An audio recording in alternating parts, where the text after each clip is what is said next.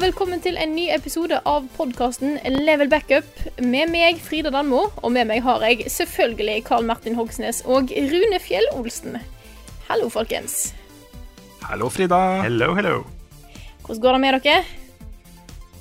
Ganske bra igjen. Det er liksom uh, mye stress i kroppen om dagen. Vi uh, nærmer oss showet vårt i Kristiansand. Det er uh, en drøy uke til.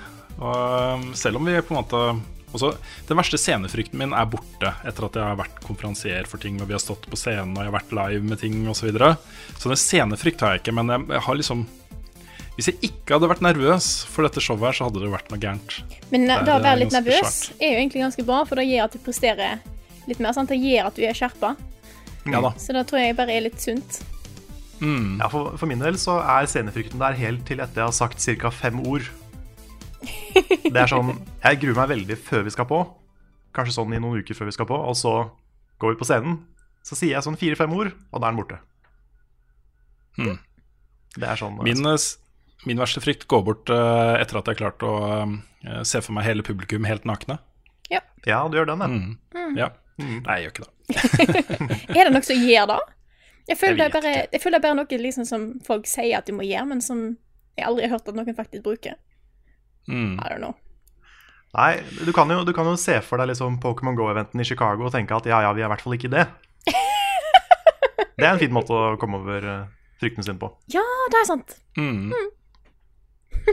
Men det er altså show i Kristiansand på Kilden eh, 19. august. Det er en lørdag. Eh, det er etter det jeg har forstått fortsatt noen få billetter igjen. Så hvis du er, eh, eh, har lyst til å se oss live Det blir eh, masse kule greier. Alt spillrelatert, selvfølgelig. Quiz og intervju med spillutvikler og duell og Let's Play og osv. videre. Blir eh, helaften med level up, rett og slett. Så, så hvis du er sugen på å være med på det, så finner du billetter på kilden.com.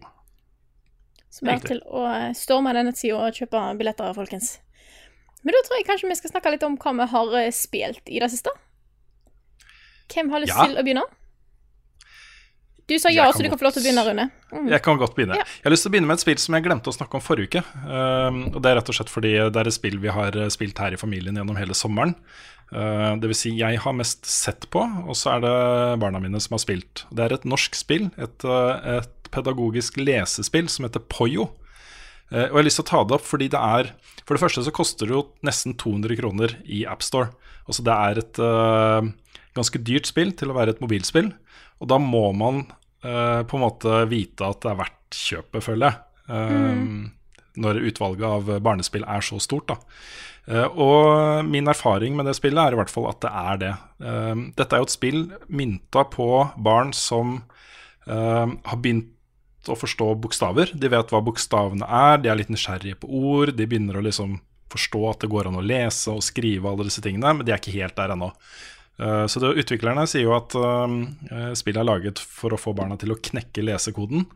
Og det er på en måte det det gjør, da. Um, du flyr rundt og samler bokstaver, og så hører du lydene til bokstavene, og så setter du disse bokstavene sammen til en ord, og så blir det en fortelling om et troll, um, osv. En del sånne gode spillelementer oppi det også, men først og fremst da et, et spill som gjør folk, barn, nysgjerrig på, på ord og bokstaver. Veldig bra laga. Jeg vil også legge til at for Eh, mange år siden så kjente jeg Daniel, en av de som har laget dette spillet, bare så det er nevnt. jeg vet godt hvem Daniel er. Så, um, men men uh, ja, begge mine barn er veldig glad i det spillet. Særlig den eldste, selvfølgelig. Så jeg ville bare nevne det og anbefale det hvis det er andre foreldre i samme situasjon med barn som er nysgjerrige på bokstaver og ord. Så kan jeg varmt anbefale Poyo. Litt sånn apropos, eh, går, går Sesam Stasjon fortsatt? Jeg vet ikke. Fordi eh, bare pga. Sesam Stasjon så kunne jeg alfabetet før jeg begynte på skolen. Mm, Så eh, det, er en, det var en sånn bra pedagogserie, altså. mm. Vet ikke om de Ja fortsatt da, viser det er prisene. uh, Jeg vet ikke. mm. Det begynner å bli ganske mange år siden. Det gjør det. Kanskje den Kanskje, delen det, som kanskje det har holdt seg skikkelig dårlig. For alt jeg vet. Men det kan jo være de har spilt inn på en måte med nye programledere og sånne ting, men kjører på med de samme greiene. Jeg vet jeg tror det fortsatt går i USA, blant annet. Kan jo være det går i Norge fortsatt. Ja, Ikke vet jeg. kanskje det er på Kanskje vi skal lage vår egen versjon? Ja, Kanskje da, ja. Mm. Selsom stasjon. Ha-ha-ha. ja. Yes, men jeg har jo også spilt noe som er et ordentlig spill. ja. Um, det kom, eh, kom vel denne uka her. Eh, Hellblade, Senuas eh, Sacrifice. ja, du har begynt på det? Jeg har begynt på det. Det er et spill laget av. Ninja Ja, det var jeg også. Det har vært hele veien, egentlig. Uh, vel, vært veldig vanskelig å få tak på hva det spillet egentlig er. Fordi det som Ninja Theory, som har lagd dette spillet, har snakket om på forhånd, har jo vært liksom motion capture og sånne ting. Også dette er jo et spill som skal funke veldig bra i VR. Ikke testa det i VR, men eh, ja, og så koster det liksom 369 kroner istedenfor fullpris. Så man blir liksom ikke helt klok på hva dette spillet er. Eh, men de siste tingene som de snakka om før lansering, var jo at dette er et spill om psykoser. Eh, og de har jo henta inn psykologer eh, som rådgivere på, også i utviklingen for å eh, gjøre så godt de kan da, for å representere hvordan psykoser oppleves for folk. Altså, de prøver å visualisere det. Um, så, så det gir jo et hint da, om innholdet i spillet, vil jeg si. Eh, Men sånn spillmessig så spilles det som en blanding av uh, litt sånn uh, walking simulators og Bloodborne. det er en del kule, kule, seige, tunge kamper mot fiender som kanskje kan ligne litt på noen Dark Souls og Bloodborne-fiender. Og så er, rusler det rundt. Norrøn mytologi. Eh, masse, masse norrøn mytologi hele veien, liksom. Eh, ja. Så kult. Jeg hadde egentlig tenkt å sjekke det ut i dag eh, tidlig, før podkasten, men så endte jeg opp med å både sove litt lenge og være i eh, eh, telefonkø til eh, customer service for å fikse telefonen min i hele dag. Så jeg tenkte jeg skulle sjekke det ut senere i kveld, faktisk. Ja, dette er defin definitivt et spill jeg kommer til å fullføre også, fordi eh, det er utrolig engasjerende. Altså. Du blir veldig sugd inn i denne, denne verden her. Uh, og disse, disse psykosene, de eh, Jeg mistenker jo at alt foregår i hodet til den du spiller som, men av og til så henvender hun seg til deg, også til kameras, uh, og hun hører også masse stemmer. Det er masse stemmer som snakker til henne hele tiden. Og spillet gir liksom inntrykk av at du er en av de personene som bor i hennes hode, da. Eh, så det er en del sånne kule fjerde veggen-elementer her. Um, og så er det rett og slett bare et stilig og ganske skummelt, freaky spill, altså.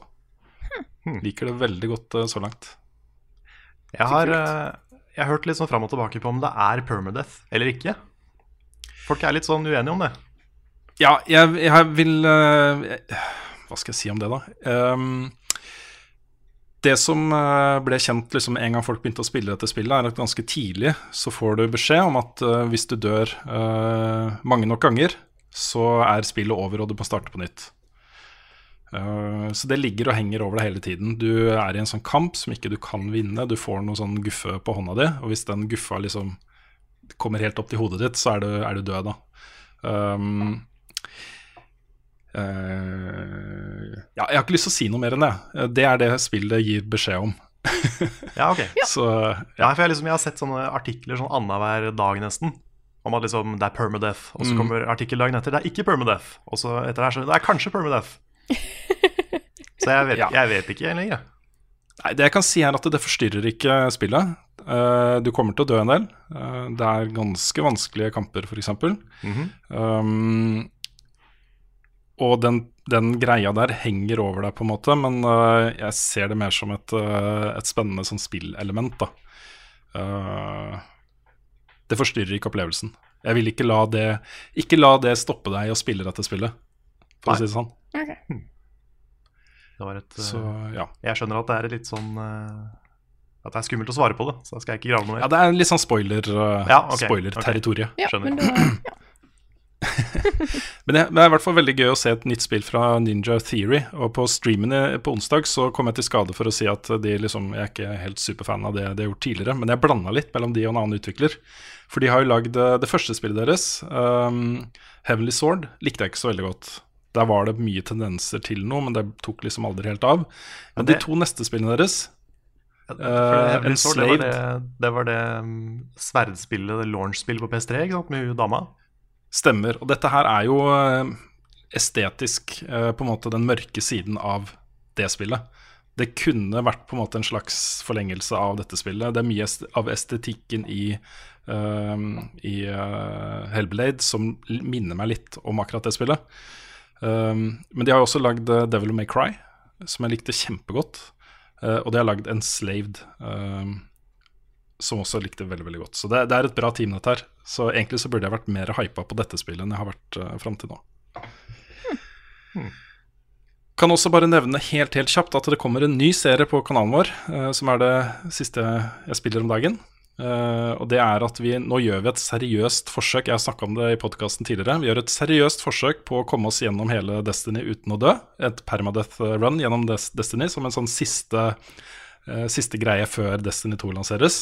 Uh, og Der har jeg allerede klippet noen episoder. De er ferdige, liksom. Og de er lasta opp til YouTube-kanalen vår, så de kommer. Dette blir noe av. Uh, starter på søndag, tenker jeg. Nice. Så en liten, liten shout-out til Daniel og Erik, som jeg spiller dette her sammen med. Og vi skal også um, ha planer om å starte en uh, ny Destiny 2-podkast. Hey. Så Hei. ja.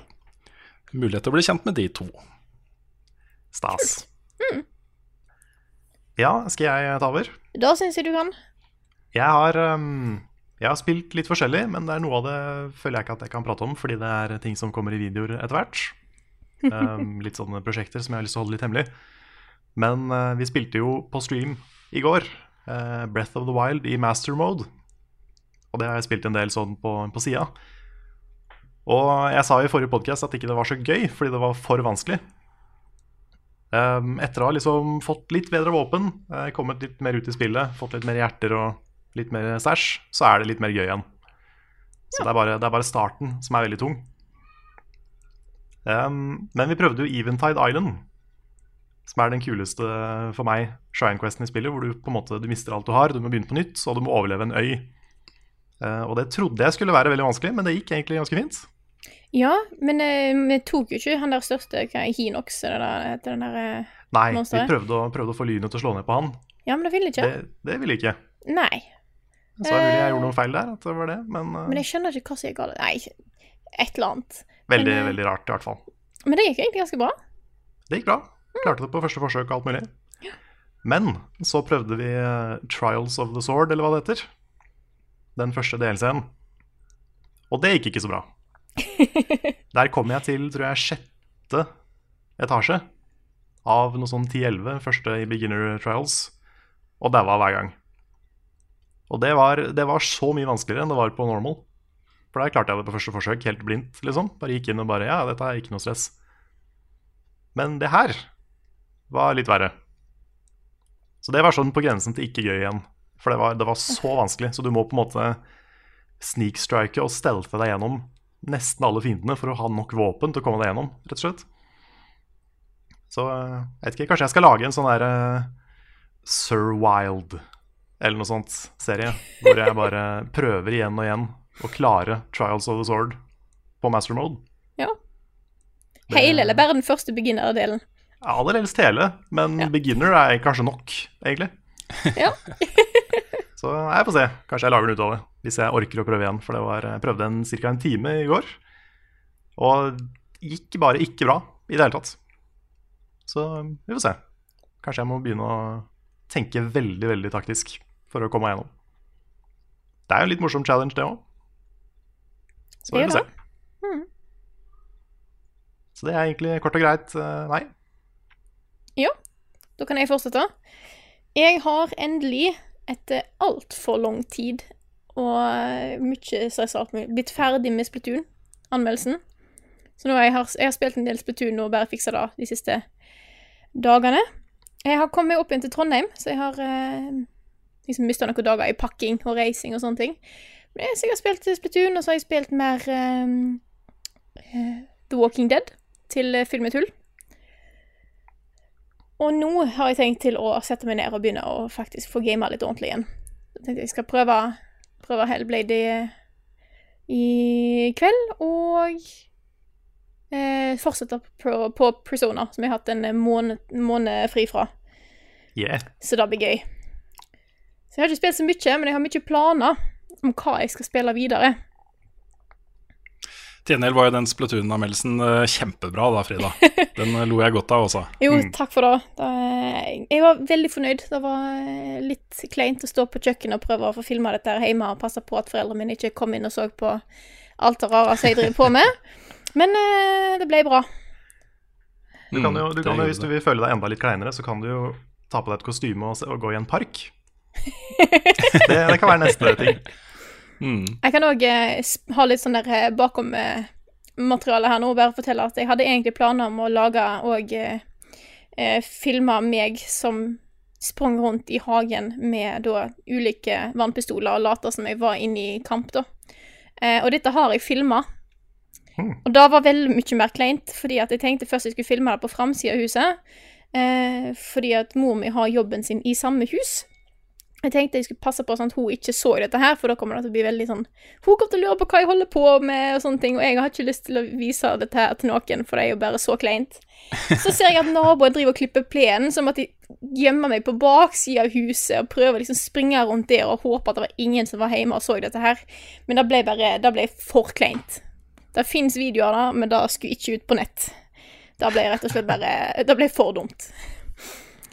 Så jeg, jeg Gjør det. kan lage en sånn Gjør der, det. Kanskje vi kan lage en sånn compilation av bare masse sånne teite ting, og så står det bare sånn her 'responsible adult' og sånne ting som bare kommer opp. Det er sånn det er å bli voksen. Ja, det å støtte oss eh, blir på, en måte en ny, eh, ny funksjon. Kanskje det vi trenger, er, eh, er eh, mm, annen type støtte. Ja, kanskje vi trenger foreldre, rett og slett. Ja. Mm, Kanskje det. Mm. Folk som kan si 'nei, vet du hva, dette er du for gammel til'. Mm. Ja. Nei, det, ble- litt veldig kleint. Og så var det sånn at jeg visste det skulle begynne å regne innen en halvtime, så jeg måtte liksom bare få prøvd å liksom filme alle ting før sånn sånn hurtiggreier. Åh, nei, det klippet det tror jeg bare må få, få vekk. Det var kleint. Så, ja. Men det er jo ofte sånn en har kanskje noen ideer om hva som kan fungere, så prøver en ut, og så ser en at nei. Nei, nei. vi har jo, vi har jo bakomfilmer, hvis du har lyst til å sende meg noe, så Gjør det, gjør det, gjør det. Kanskje da. Uh, men jeg tror kanskje vi bare sniker oss videre til eh, neste spalte, folkens.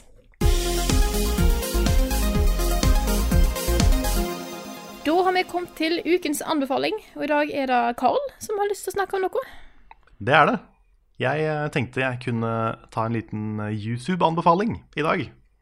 Fordi det er en YouTube-kanal som heter Noclip, som har en tredels dokumentarserie om Final Fantasy 14. Og det er en av de beste dokumentarfilmene av den typen jeg har sett noen gang. Den er, eh, den er liksom nesten på, på der oppe med Indie Game The Movie og sånn for meg, altså. Wow. Og det som gjør den så bra, da, det er at for det første så er, så er Final Fantasy 14 en utrolig spennende sånn spillhistorie. For det er et spill, det er et MMO som ble launcha nesten helt fullstendig ødelagt. Det var, eh, det var så å si ingenting bra med det. Og det de da gjorde, da, var å patche spillet litt og litt. Men de patcha jo noe som var umulig å reparere. Men i hemmelighet så satt de og jobba med en helt ny versjon av spillet fra scratch som de utvikla i hemmelighet mens de patcha det gamle. Så det er en utrolig sånn, kul, rar historie om et spill som de klarte å snu fullstendig rundt. da.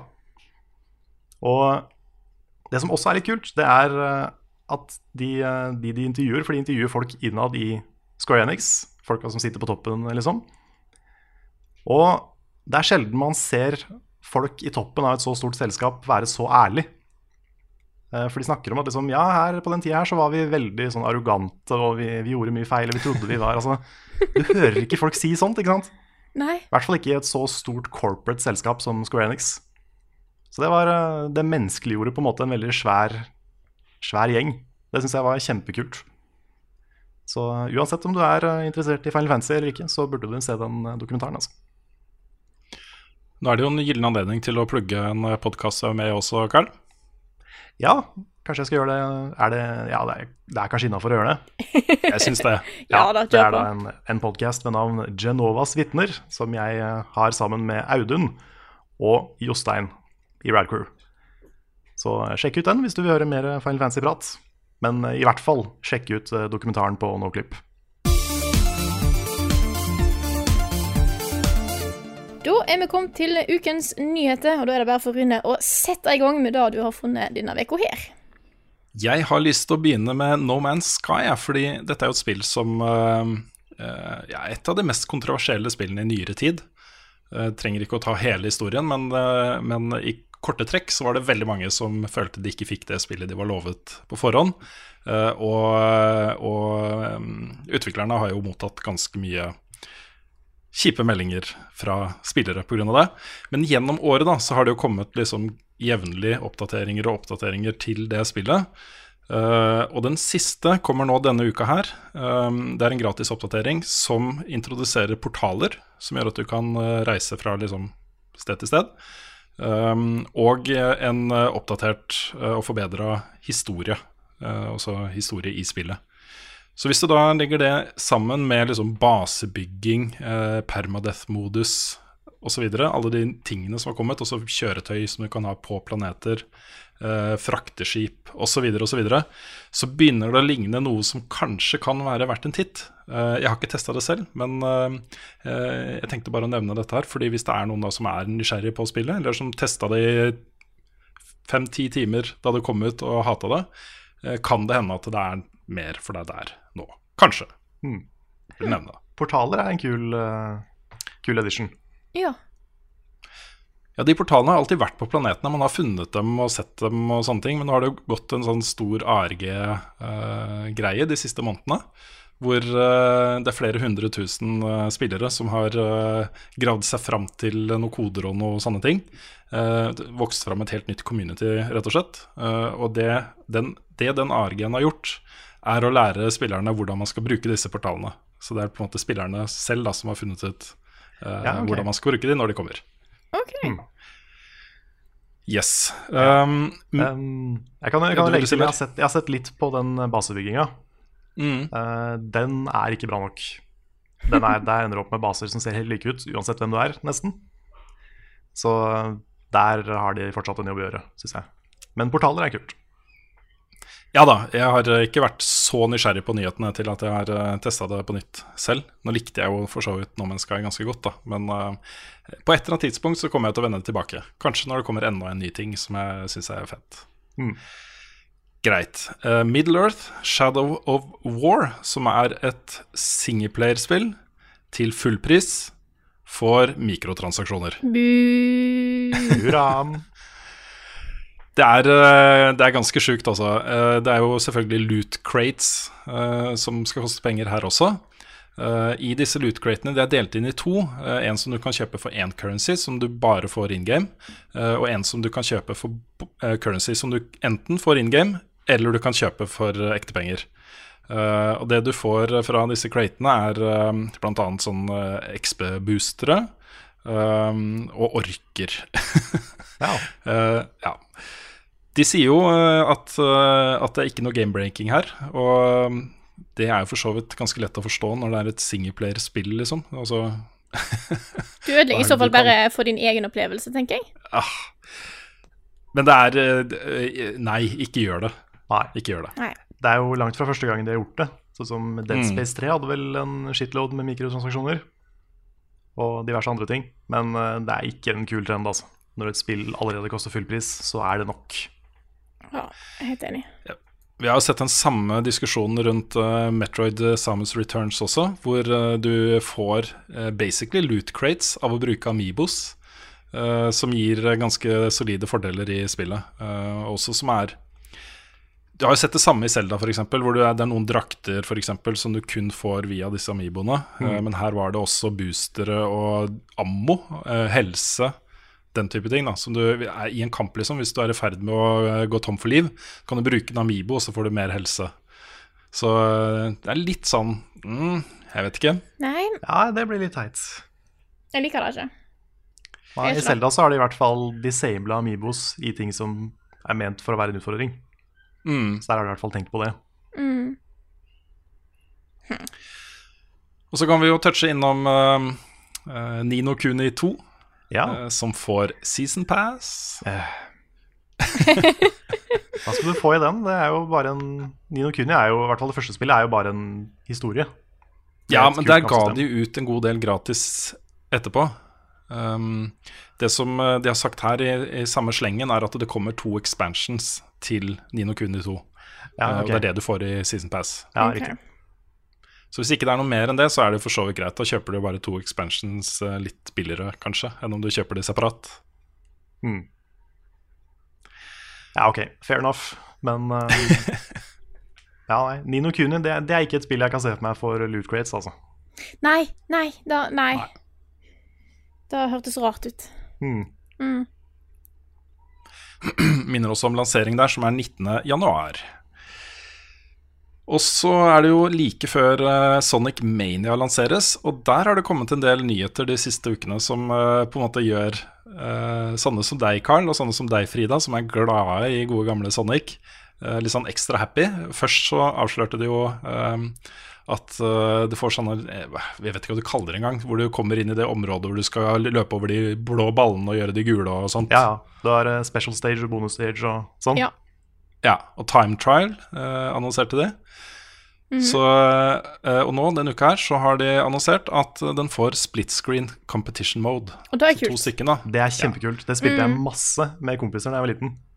Mm. Det var ikke en veldig bra mode, men de har sikkert gjort den litt bedre nå. Ja, vi tror det. Det, er, det virker som bare en, en eneste stor kjærlighetserklæring til alle som har vokst opp med Sonic, dette her. Mm. Og det, som er, det som er ekstra kult, er at eh, Sega faktisk har ansatt de desidert flinkeste Sonic-moderne til å lage et helt nytt Sonic-spill. Det er jo en person som nesten aleine var ansvarlig for å porte Sonic CD til iPhone, f.eks. Og han lagde da spillet fra scratch, så å si, eh, for å kunne liksom porte det til widescreen og for å få det til å funke på en telefon og, og diverse. Vi snakka jo om det litt på streamen i går, Mm. eh, og jeg syns da at da at de velger folk som kan eh, systemet, de kan liksom eh, alt som har med ikke bare, bare graphics og sånt, men de kan liksom eh, engine, da, hvis du kan kalle det det, så inn og ut. Mm. Eh, de vet hvordan eh, altså jump og alt dette her, hvordan det skal funke, for de har jobba så mye med disse gamle spillene i nyere tid. Mange av disse som jobber på Sega, har kanskje ikke vært borti akkurat det der på en god stund. sant? De har jobba med nyere ting. Men disse her kan da. De kan disse gamle settingene og eh, alt så godt. Det er genialt av Sega å ta de med. Ja, det er helt sant. Og bare det at liksom Det er ingen som er mer opptatt av at fysikken skal være helt riktig, enn liksom hardcore mod-folk Mm. og fangame-folk, liksom. Fysikken laget var ordet jeg var ute etter. Ja. Ja. Ja. Ja, de har, de har laga så mye kult allerede som jeg har spilt, liksom. Så jeg har 100% tro på de folka der, altså. Kan jeg også legge til at uh, hvis det er noen som er forvirra, for det kommer jo to Sonic-spill i år, så er Sonic Mania er det spillet som ser ut som det kom, skulle ha kommet ut i sånn type 91, 92, 90, 93. Mm.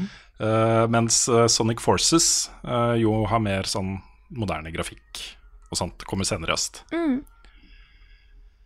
Siste nyhet jeg vil eh, nevne, er egentlig to nyheter. Um, det, skal handle om e-sport. Um, det første er at uh, The International, som jo er den store Dota 2-verdensmesterskapet til Valve, der er det finaler nå i helgen. Det har gått sluttspill siden tirsdag, og i helgen skal da verdens beste Dota- Dota 2-lag kåres. Det, det, jo, altså det er jo spillerne, Dota 2-spillerne selv, som står for premiepotten her eh, i all hovedsak. Det kommer også noe innskudd fra Valve også. Men eh, i år da, så er eh, potten nå godt over 24 millioner dollar. Hvorav eh, over 10 millioner dollar vil gå til de som vinner. Det er crazy summer. Hinsides. Mm. Men først og fremst er det et utrolig fett e-sportarrangement. Jeg vil anbefale folk å se på det. Det er veldig bra produsert. eh, utrolig god stemning i salen. Eh, veldig tøft, rett og slett. Jeg vil også nevne at eh, neste uke, eh, torsdag hele dagen på eh, Telenor på, eh, ved Fornebu, så har Gamer nå eh, arrangerer da e-sportdagen igjen. Hvor det kommer massevis av kule foredragsholdere og ikke minst en utrolig kjekk og flink og uh, stilig eh, konferansier. Ja, han har hørt mye bra om. Ordentlig Det er han sexy type dette her, er det ikke? Ja. Mm. Han kler, han kler skikkelig og ikke har hår òg. Ja, Ja. ikke minst. Mm. Men det er gratis. Eh, det er et gratis arrangement. Um, jeg var jo konferansier for det i fjor også. kjempebra, altså. Veldig interessant. Eh, blant annet så kommer det nå i år eh, folk fra North, som er eh, e-sportklubben til FC København. Eh, det kommer folk fra Vålerenga, fra eh, massevis. ESL. eh, ja. Det blir en ordentlig kul, uh, kul dag. Og så er det jo òg en ting til som du faktisk har glemt å ha med her, Rune. Fordi at Valve har jo lansert, eller sagt at de skal lage et nytt spill. Har dere fått med dere det. dette her? Og det er jo litt sånn kult når plutselig Valve skal lage et nytt spill, og så er det et kortspill. Kortspill, Dota 2 kortspill. Ja. Jeg husker ikke hva det het i farta. Artifact, tror jeg. Ja, stemmer det. Hard var litt- sånn litt eh, Bare plutselig så jeg overskrift. Valve skal lage nytt spill. Jeg bare yes. Og så her, kortspill av Dota 2. Jeg bare, ja. Mm. De trenger jo ikke å lage flere spill. Nei, det er Altså, det. Dota 2 og CS uh, GO er jo fortsatt dritsvært, liksom, og selges i bøtter og spann fortsatt. Eh, så de trenger, jo ikke, de trenger jo ikke å lage flere spill. Nei. Og de har Steam, og hva var det jeg så Steam nettopp hadde sånn 70 millioner daglige brukere nå? Åh, jeg husker ikke de tallene helt, Nei, jeg men tror jeg tror de har vært De snakka om oppi 25 millioner samtidige innlogga og sånt, så det, var, eh, det er ganske ville, eh, ville tall der. Ja, det er ganske, ganske drøyt.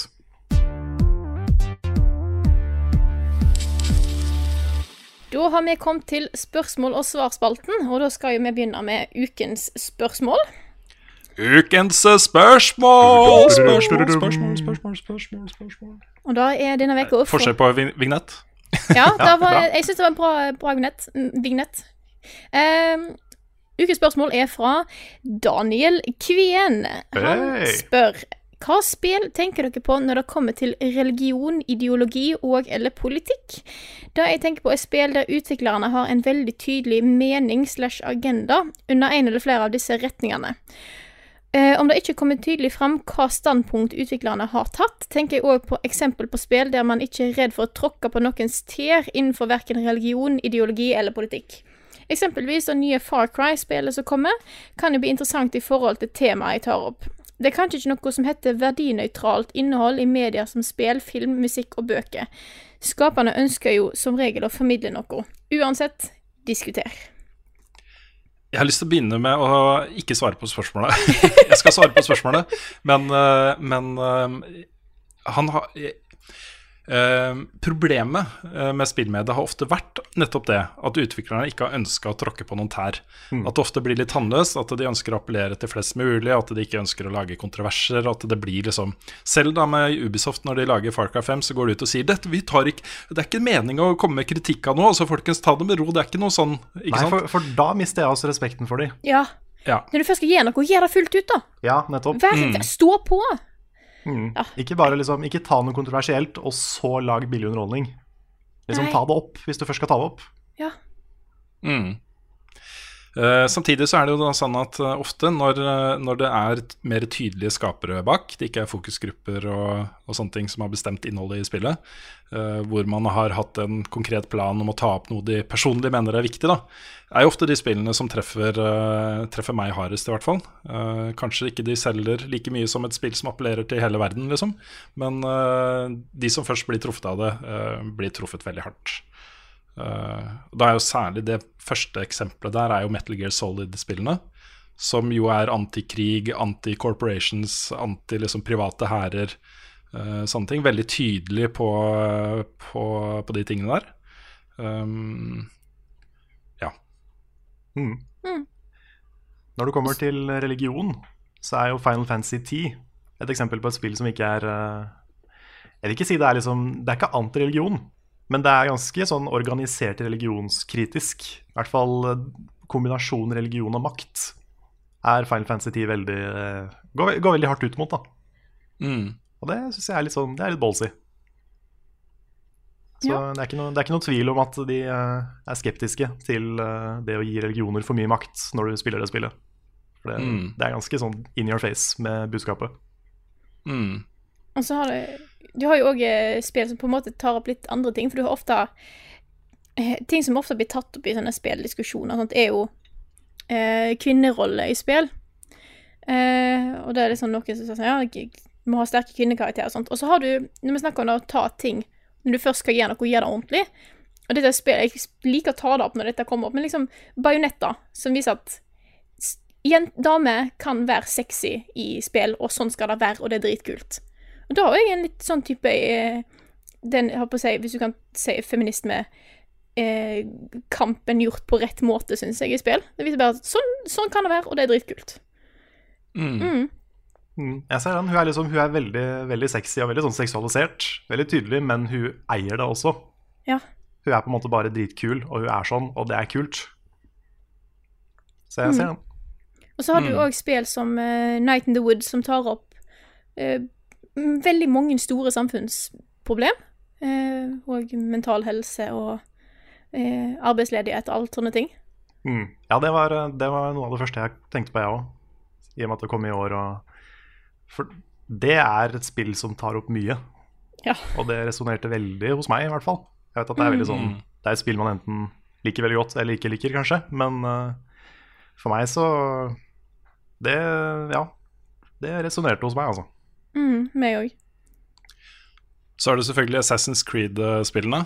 Hvor eh, de allerede fra liksom første stund sa at dette er et spill laget av eh, en bred blanding av forskjellige religioner og nasjonaliteter og bla, bla, bla, liksom.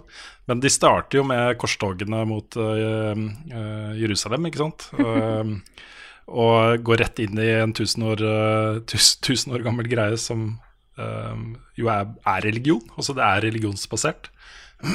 og det er jo et tema som har fulgt den serien hele tiden. Religion har vært veldig veldig sentralt uh, i tematikken.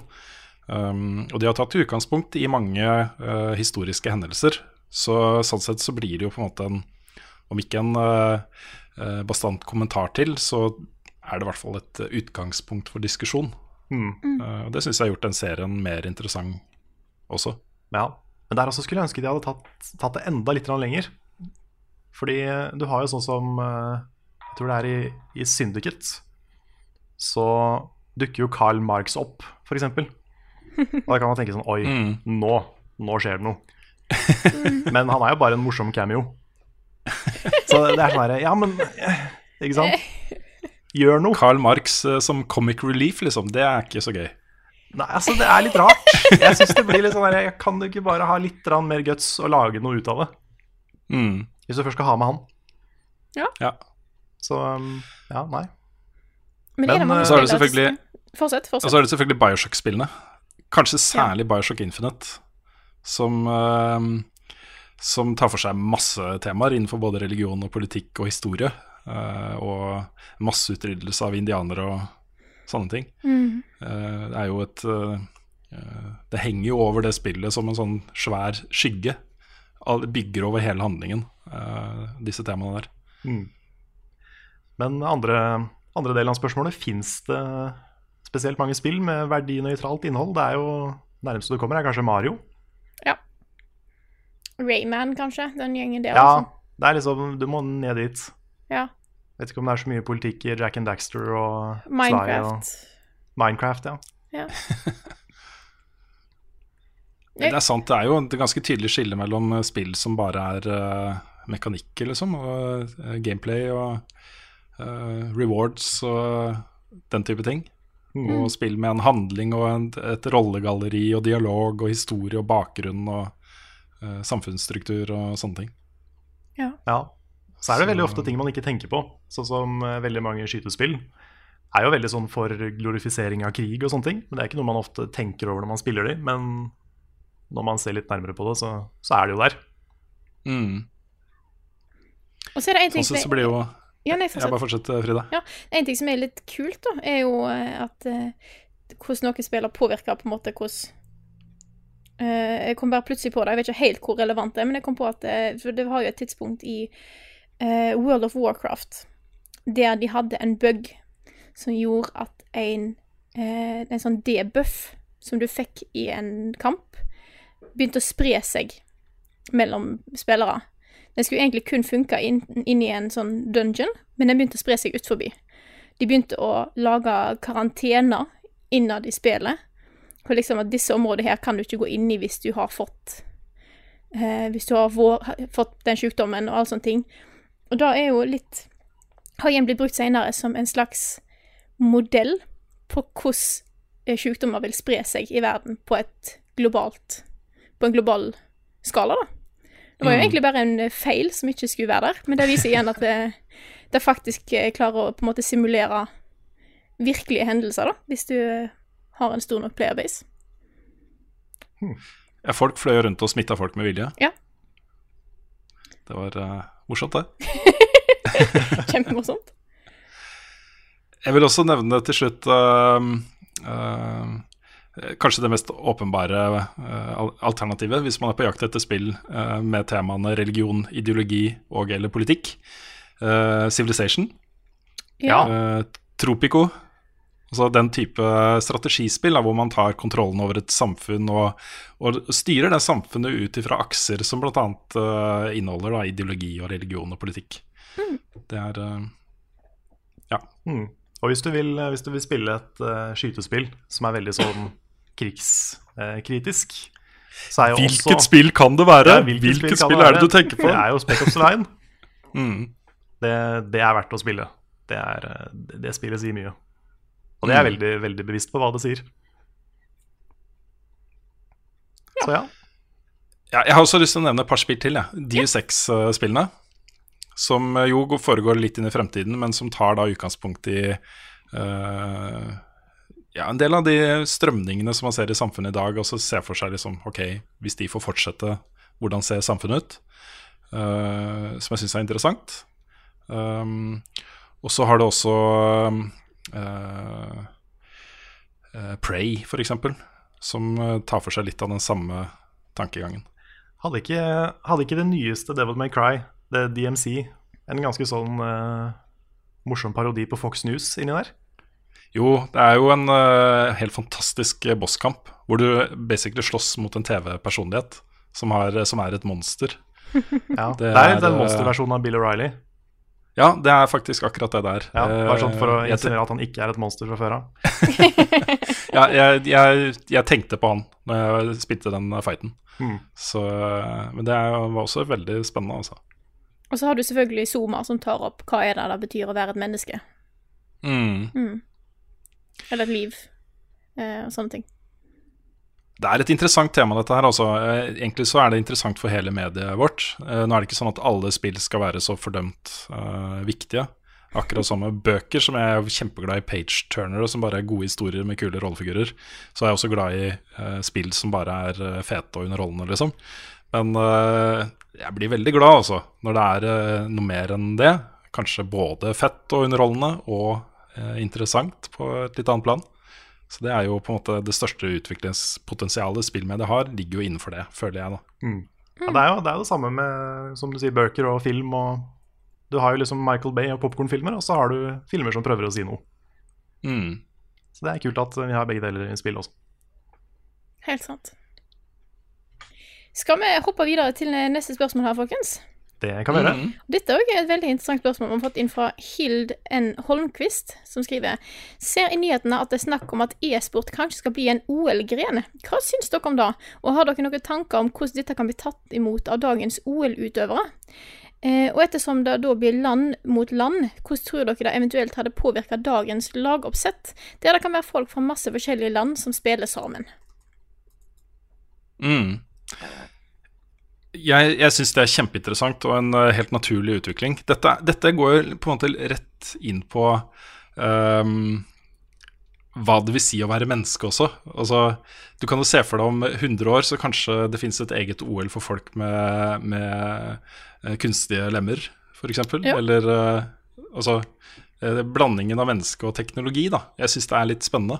Men akkurat når det gjelder e-sport, så er jo på en måte Den har jo alle konkurranseformene basert på vanlig sport. Altså det er konkurranse, det er eh, lagsport, det er taktikker, eh, ferdigheter, alle disse tingene her. Men det foregår i virtuelle verdener. ikke sant? Det foregår på en skjerm, det foregår ikke i virkeligheten.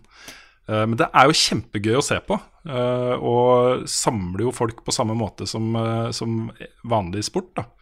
Eh, Så jeg syns dette er en spennende utvikling. Det kommer til å skape masse debatt og diskusjoner, og folk kommer til å være vilt uenige hvis det blir medaljegrener.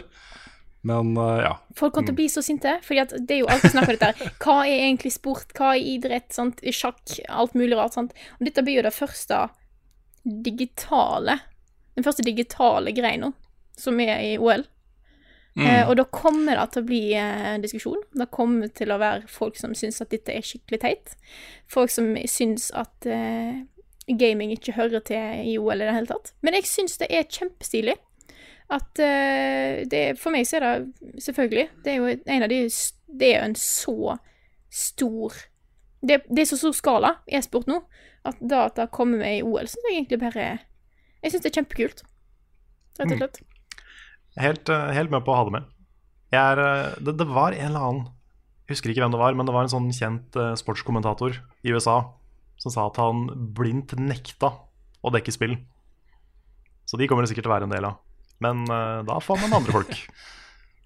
Det er Ja, det var sånn- ISBN det som begynte å Ja, det var ISBN som begynte å sende e-sport, og fikk ganske kraftige reaksjoner internt i kanalen. Mm. Um, men det, det her er jo da snakk om eh, Paris-OL i 2024, som på en måte har åpna døren da, for å uh, ha med e-sport. Uh, og så er det også sånn at uh, Asialekene, som jo er en egen sånn ting, de har en eh, som en sånn derre eh, Ikke en offisiell del av programmet, men neste år så vil det være e-sport som en sånn forsøk. Eh, og så snakker de om at det skal bli en medaljegren da i 2020.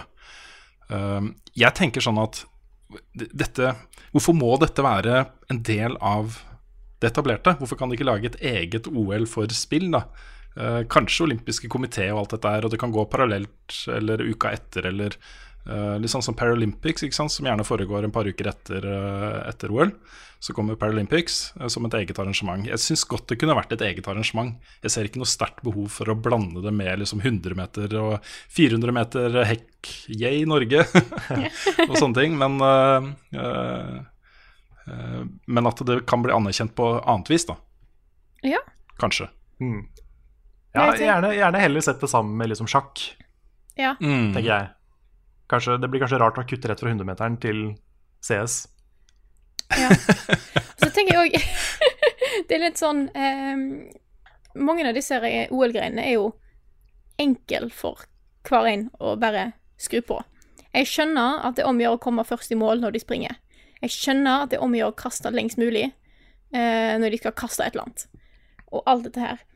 Men ganske mange av disse e-sport-greiene må du kanskje skjønne litt hvordan spillet funker.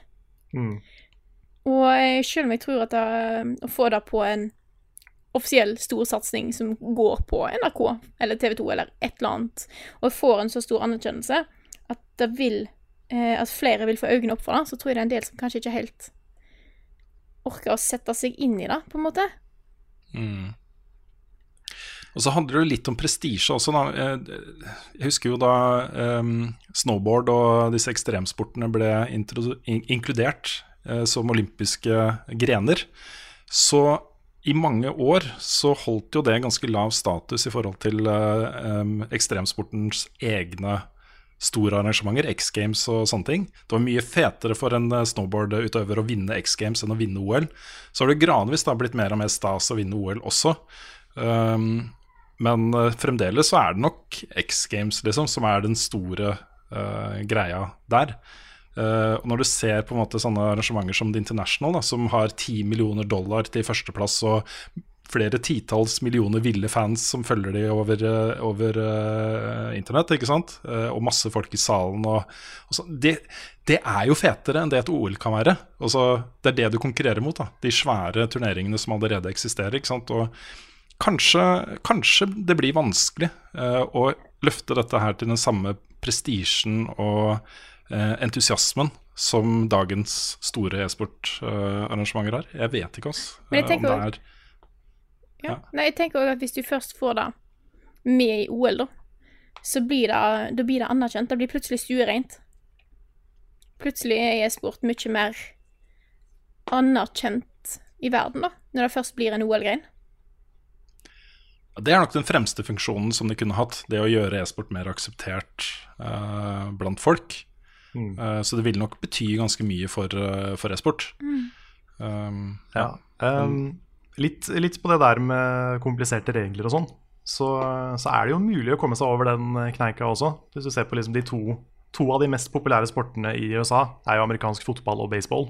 Ja, det er sant. Og jeg skjønner jo ikke en dritt av noen av delene, egentlig. En av Så- verdens mest populære sporter er cricket. Ja, du herregud, Ja, hva ikke er det sant? for Så noe? det går, det går jo an å liksom Det går an å komme over den. Ja, ja, det er Mm. sant.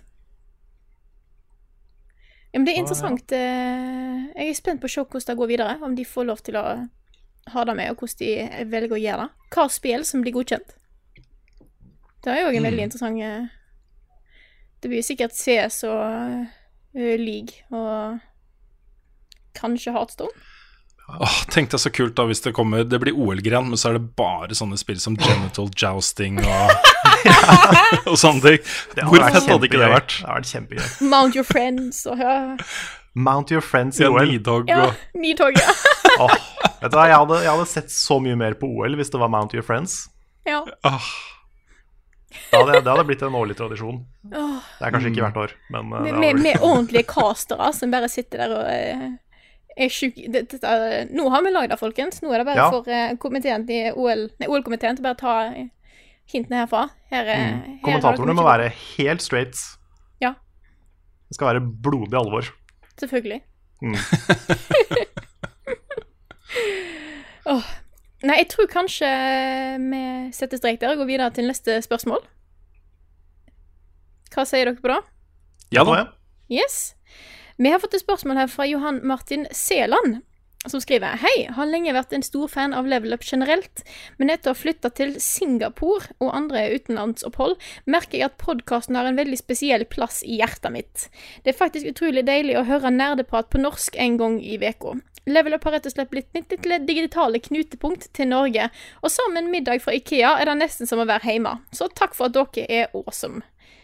Takk for det, takk. Johan Martin. Eh, så er spørsmålet Har dere noe spesielt som minner dere om Norge når dere er i utlandet? Hmm. Når jeg er i utlandet, så er jeg veldig glad i å være i utlandet. Um, jeg syns det er uh, deilig å på en måte bli omhylla av, uh, av andre inntrykk og andre byer og andre folk og andre språk og alt dette her. Um, så jeg, jeg vet ikke. Jeg driver liksom aldri og oppsøker noe som er norsk da, når jeg er i utlandet på den måten. Men jeg har gjort det før. Uh, jeg var jo utvekslingsstudent et år i USA. Og da, Det var jo før internett. Dette var 89-90 eller 90-91, jeg husker ikke helt. Um, så da fikk jeg det liksom tilsendt per post, revet ut fra VG, eh, artikler om Atle Skårdal og de norske alpinstjernene, for jeg var veldig opptatt av alpint på den tida. Og jeg hang opp det på veggen, liksom. Det fulgte liksom norsk alpinsport via eh, avissider, klippet ut og sendt via post, liksom. Eh, og så var det jo alltid kjempestas å finne en eller annen alpinøvelse på en TV-kanal hvor det var norske med. ikke sant? Eh, så det ble, med, ble min link til Norge, rett og slett. Det å følge det eh, norske alpinlandslaget eh, fra USA. Kjempe, kjempestas. Ja. Uh, Um, når jeg går inn på kiosker i USA og ser en KitKat, så blir jeg minnet på hvor mye bedre Kvikk Lunsj er. Og derfor så, En ting jeg pleier å gjøre når jeg er, i, når jeg er lenge i utlandet, det er at jeg kjøper litt Kvikk Lunsj og har med meg. Sånn Ja. på tur. mm. Det er vel kanskje den ene Norge-tingen jeg tar med meg. Og så I Tokyo så er det også en, eh, en norsk bar som heter Fuglen, som også finnes her i Oslo. Eh, Det var kjempegøy. Sist vi var i Japan, så dro vi dit spesifikt til de, den, den kafeen av baren for å eh, være der. Det var gøy. Da var jeg litt sånn stolt av å være norsk. Det er sjelden jeg har hatt så lange utenlandsopphold at jeg har lyst til å ha liksom noe som minner meg om Norge, da. Men jeg husker en gang vi var Jeg lurer på om det var på Kreta, nei, Kypros. Og så plutselig fant vi en norsk restaurant der de hadde sånn kumle eh, og, og pinnekjøtt og ribber og liksom sånne ting. Det var kjempesært. Vi stakk innom der og tok oss noe å drikke bare sånn for uh, the lols. Og så viste det seg at servitøren var norsk, og kjente en som far min jobba med. Det er det sånn Ja, verden er liten, greit. Det er, det, og så merker, Jeg syns at nesten uansett hvor jeg reiser, så møter jeg på nordmenn. Uh, uansett hvor langt vekk i verden vi er. Jeg møter på Jeg møtte en nordmann og noen svensker på en bar i Kuala Lumpur, og mye mye rart, så jeg føler at jeg, jeg klarer liksom aldri helt gi slipp på Norge likevel. Mm. Nei, jeg ser Ja, det er sant, det. Ja. Det er kanskje særlig språket, det å høre noen snakke norsk når man er på et fremmed sted. Mm. Da er man litt sånn, å, man spisser ørene, og man er liksom Det er litt kult, da. Uh, men ellers er jo på en måte det norskeste med å reise ut, det er å komme hjem igjen. Og kunne spise grove brødskiver med norsk pålegg og sånt til frokost. Det, det kommer aldri til å bli gammelt. Det er Nei. på en måte Jeg har en litt annen versjon av den. Spesielt fra den gangen jeg var i, var i Tyskland, på Gamescom. Fordi i Tyskland så funka det ofte ikke å snakke verken norsk eller engelsk. Så det å liksom bestille en burger på McDonald's, det var veldig vanskelig. Til og med når du bare peker på burgeren og sier 'burger', liksom, så, så går det ikke. Uh, så da var det utrolig deilig å sette meg på en trikk hjem, gå inn på Kebabhot og bare si at jeg skulle ha en cheeseburger. Det var, det var oh, ja, fantastisk. Du skulle ikke ha en bab? Nei, jeg skulle ikke ha en bab, jeg pleier å kjøpe burgere. Ok. Mm. han huska til og med, fordi han er sånn her Ja, burger uten dressing. Og sier ja. Du, du husker det, vet du. Så det er så deilig. En tåre i øyekroken Ja, det var nesten sånn Å, nå er jeg hjemme igjen. Her er han mannen som husker hva jeg vil ha. Åh, det er fint. Mm. Nei, Jeg har en venninne av meg som nettopp var på backpackingtur i eh, Sør-Amerika. og Hun sa da at hun savna bare grovt brød og pålegg. Det gikk ikke an å få tak i eh, utlandet. Jeg tror det er en veldig norsk ting. Så Ja, veldig norsk ting. Det er veldig vanskelig å få tak i. Fins ikke noe ord for pålegg i utlandet. nei. Det fins ikke et engelsk ord for pålegg som ikke er bare mm, spread, som er jo bare smørbare ting. Det er feil. Ja, i, I USA så tror jeg de har spreads for ting som er smørbart, og cold cuts for uh, sånn uh, skinke og sånne ting. Ja. Ok, Men hva om det er varmt? Hmm? Hva om det er varmt? Da kan det ikke hete cold cuts. Nei, men det er jo sånn Hvis du går og kjøper ikke sant, skinketap på brødskiva i Norge, liksom, eller servelat eller eh, Ja. salami eller hva det er. Det, er det jeg tror jeg er det som er cold cats. Ja, ok. Mm. Ja, de må finne på et bedre ord, altså. Ja, det syns jeg. Onlays. Onlays. Men jeg tror vi hopper videre. Eh, et spørsmål fra Eirik Olsen på Patron, som skriver Har nettopp skaffa meg Switch og Breath of the Wild, mest sannsynligvis Game of the Year for meg. Så mitt spørsmål er Kommer dere til å lage en spoilercast slash stream der en god del av redaksjonen har spilt gjennom spillet? Eh, han skriver at han er sjøl 90 timer inn i spillet og har tatt tre Divine Beasts. Blir enda overraska over hvor mye innhold de har oppdaga. Og det er jo noe vi har snakka om. Vi Å har det. ha en spoilercast på Selda. Zelda.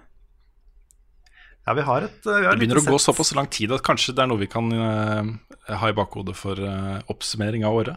Ja.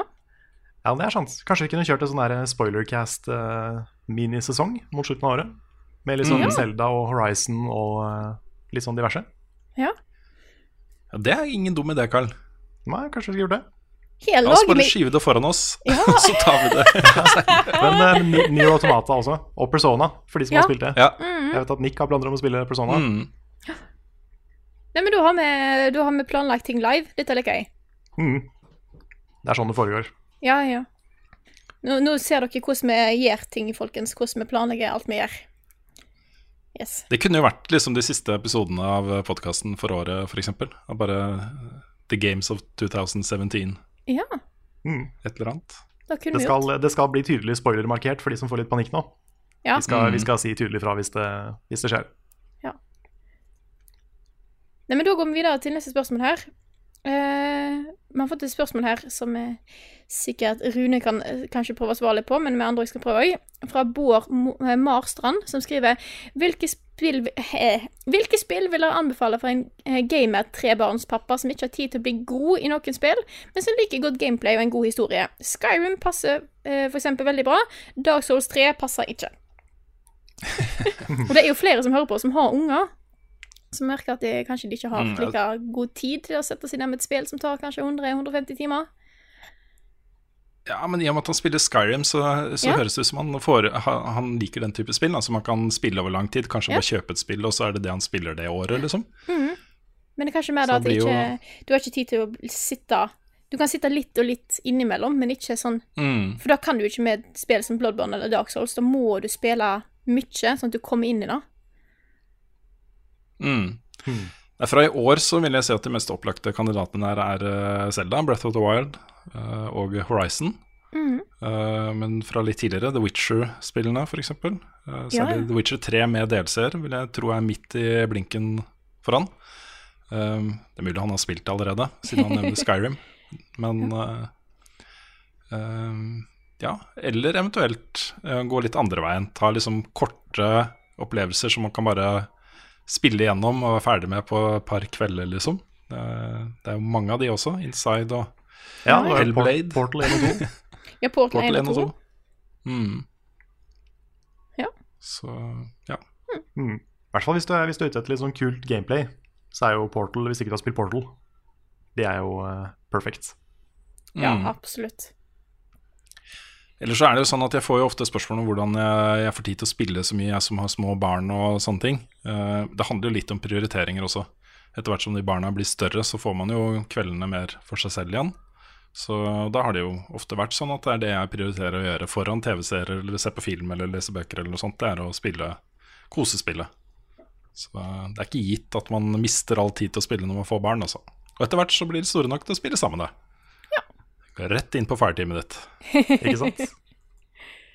Det er en, eh, der har vi en fremtidig level up-serie. Destiny med Mm. familien Rune. Ja. Jeg, jeg, tenker at eh, kanskje ikke ja, Jeg vet ikke. Dattera mi blir jo syv til vinteren. Begynner å nærme seg alderen eh, hvor det kan være aktuelt, også, men kanskje, kanskje enda noen år unna. Ja. Tenk om hun sitter og spiller Persona 5 isteden. Jeg skal ikke nekte henne det.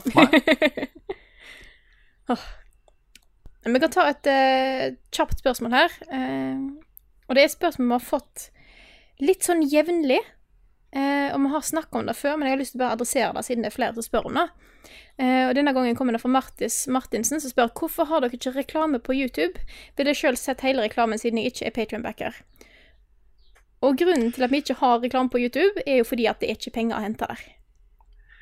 Ja, blant Eller, annet. det Summene hadde vært såpass små at, eh, at vi, vi føler at verdien av å slippe eh, reklame på videoene våre er større eh, for de som ser på, eh, enn de små inntektene vi ville fått av det. Det ville kanskje vært et par tusenlapper i måneden, liksom. Eh, kanskje litt mer, jeg vet ikke. Jeg tror faktisk det har vært mindre. Ja. Jeg, har, jeg hadde jo reklame på min egen YouTube-kanal i mange år. Og det er såpass lite penger å vente på den. Grunnen til at noen youtubere i Norge klarer seg, det er rett og slett eh, sponsorer og sånne ting. Og så er det jo Patrion som vi bruker. Og Ja. målet vårt på 5000 dollar på Patrion var jo å skru av reklame. Og det var et mål som vi satte fordi både fordi det er en kul ting å kunne tilby de som ser på, eh, pluss at det er da lite penger. Og i tillegg Mm. så har vi jo konstante problemer med copyright eh, claims. Det er, vel, det er vel ikke en eneste episode av Level Update som ikke har fått en copyright claim, tror jeg. Jeg tror heller ikke det. Så uansett hva vi hadde gjort, så hadde vi ikke kunnet tjene penger på Level Update, f.eks. Vi hadde vel kanskje kunnet tjene penger på et par Nuzlocke-episoder. Noen anmeldelser. Men eh, 50 av videoene Mm. våre hadde jo da blitt blokkert for, eh, for eh, monetization. Alt Nintendo, som Alt Nintendo. Nintendo. Bortsett fra Splatoon-anmeldelsen min, den har ikke blitt claima ennå. Nei, den kom gjennom. Ja. Det er nesten et mirakel, faktisk. Ja, ja, jeg skjønner Wow. ingenting. Så um, Sjøl med musikk fra uh, Ennio Morricone og alt, så har den bare glidd rett gjennom den. Men ja. Ja, men det er um, det vi isteden jobber med, eller det vil si det er ikke vi som jobber med det, vi har jo folk som jobber med det for oss, det er jo uh, sponsor. mm, Vi håper jo på å få på plass det. Uh, og vi har jo også uh, hatt annonser i podkasten her, eh, og det skal vi gjøre mer av. Der er vi åpne for å få nye eh, kampanjer. Jeg, det er jeg setter alltid alltid pris på at folk ikke korsfester oss for å gjøre det. Mm. Det syns jeg er hyggelig. At eh, folk skjønner Ja. at vi av og til må ha en, eh, ha en sponsor. Mm. Så det er Så det- grunnen til det. Så da håper jeg, eh, jeg håper dere skjønner hvorfor vi har valgt å ta det valget, rett og Ja, slett. det, er det er en såpass liten ulempe som er en større fordel for de som ser på. Så da Ja. føler jeg Mm. at det er, det er riktig. Mm. Men da lurer jeg på om noen av dere har funnet noen spørsmål vi skal ta opp i dag? Jeg, kan, jeg vet ikke om jeg har noe bra svar på det, men jeg kan ta opp et spørsmål fra Steffen Bjugn, eller Bjugn. Uh, han spør om det er noen spill dere har vært svært uenig i om er bra eller ikke. Eller er det noen spill dere ikke har turt å si fra til de andre at dere bare ikke skjønner at de liker? Jeg kommer ikke på noen sånne gode eksempler med en gang, altså. Men jeg syns det var et kult spørsmål. Vi har jo eh, Jeg spilte Firewatch, blant annet. Syns det var bra, men ikke helt på lik linje som Lars eh, og Nick gjorde.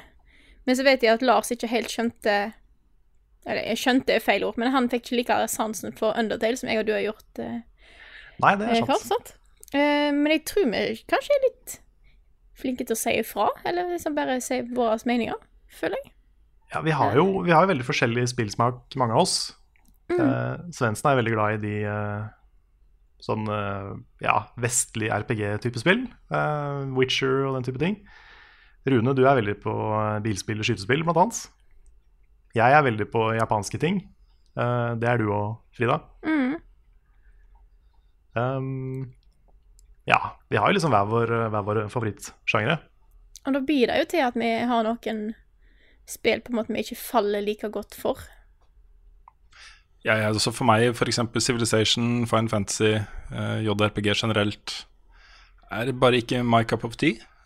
Det er uh, uh, Ja. Jeg syns sånne typer spill kan være litt kjedelige, ja, Men har du spilt for meg personlig. Ja, jeg har spilt både RTS-er og, og JRPG-er. Så det er bare Kanskje jeg hadde fått et inntrykk av det hvis jeg hadde begravd meg i dem. Eh, at det hadde gjort et bedre inntrykk. Men eh, det appellerer ikke til meg, rett og slett. Jeg har veldig på strategispill. Der sliter jeg. Jeg har jo spilt eh, Siv med dere et par ganger. Det er gøy. Jeg hadde Jeg testa Starcraft en gang. Jeg var sånn Dette her er jo ikke underholdende for meg i det hele tatt. Nei, jeg, jeg syns sånn kan være gøy, men du må, du må ha noen timer i det før det liksom sitter, merker jeg. Ja. Det er akkurat det. Så jeg kommer ikke på noen sånne spill som jeg har tenkt at liksom, herregud, hvorfor, hvorfor digga du dette her, liksom? Nei, det, Vi har jo noen hvor det er litt sånn nyanseforskjeller. Uh, Brothers, for eksempel, som du anmeldte til en firer. Som jeg Ja, mente var en sekser. ja det, det likte du mye bedre enn meg. Ja. Um, Men der var Det det, skjer mest, der var det mest det mekaniske som plaga meg. Det der at du liksom styrte Mm. med hver din stikke og ja. vi henger oss opp i ulike ting, sant? Og det er jo Mm. bare subjektivt. Men jeg kommer heller ikke på noen der jeg føler jeg var fullstendig uenig med at nå er den personen her helt på bærtur. Det er av og til jeg er litt uenig med de som kommenterer ting på anmeldelsene av og til, men, er, men det var Ja, det, det- subjektive ting, sant, så Det er en ting. Jeg, jeg, kommer å, jeg kommer ikke til å gi Selda to av ti pga. en litt ujevn framerate et par steder. For eksempel. Det, der er jeg ikke enig. Nei. Nei, så vi er litt uenige, tror jeg det er bare godt at vi er. Hvis ikke så hadde det blitt eh, veldig kjedelig. Ja. ja vi har jo vi har hver våre ting, men det er ikke sånn Jeg har aldri krasja skikkelig med noen. Det er ingen av dere som mener at liksom Tony Hawk 5 og Sonic Boom er bra spill. Så da er det liksom. Da er det greit. Nei, men da, hvis ikke det var nok eh, flere spørsmål som dere hadde funnet? Nei. Nei, vi kan jo gjenta, nevne igjen at vi skal eh, til Kilden i Kristiansand den 19. august for Yes. å ha liveshow. Hvis ikke du har fått Um, med deg det nå, så um, da, da har du ikke fulgt med. Nei, da har du ikke fulgt med. Og det er mange som lurer på om dette skal også bli streama live, og da skal det. Det skal det på vår egen eh, Twitch-kanal. Det er mye av grunnen til at vi gjør dette, er at vi eier jo på en måte showet. Vi eh, får opptak etterpå, kan gjøre hva vi vil med det. Vi kan streame det på vår egen kanal osv. Men det er jo selvfølgelig mye, mye kulere å være i salen. Så ja. Så det er bare hvis du ikke har mulighet til å komme deg til uh, Kilden, fordi at uh, jeg tror stemningen og alt som kommer til å skje i salen der, kommer til å være noe helt annet enn hvis du bare sitter og ser det hjemme. Men jeg skjønner jo at hvis du bor altfor langt vekke og ikke kommer inn igjen, så er det Så skjønner vi det òg. Dere får ha, ha litt sånn eh, fest i chatten også. Det blir Ja. sikkert hyggelig, det òg. Men vi får ikke fulgt med på chatten, så det blir jo på en måte den, den uh, mora får dere lage selv. Ja. Nei, men da tror jeg eh, faktisk at vi tar og avslutter podkasten. Så da vil jeg si tusen takk til alle som støtter oss på Patron. Dere gjør gjerne mulig for oss å lage podkast og ha show i Kilden og alt sammen eh, sånne ting. Så dere er fantastiske folk. Tusen takk. Eh, så da vil jeg si takk for oss. Takk for at dere hørte på akkurat denne podkasten her. Eh, altså Level Backup, hvis ikke du har fått med deg det. Og så snakkes vi igjen neste uke.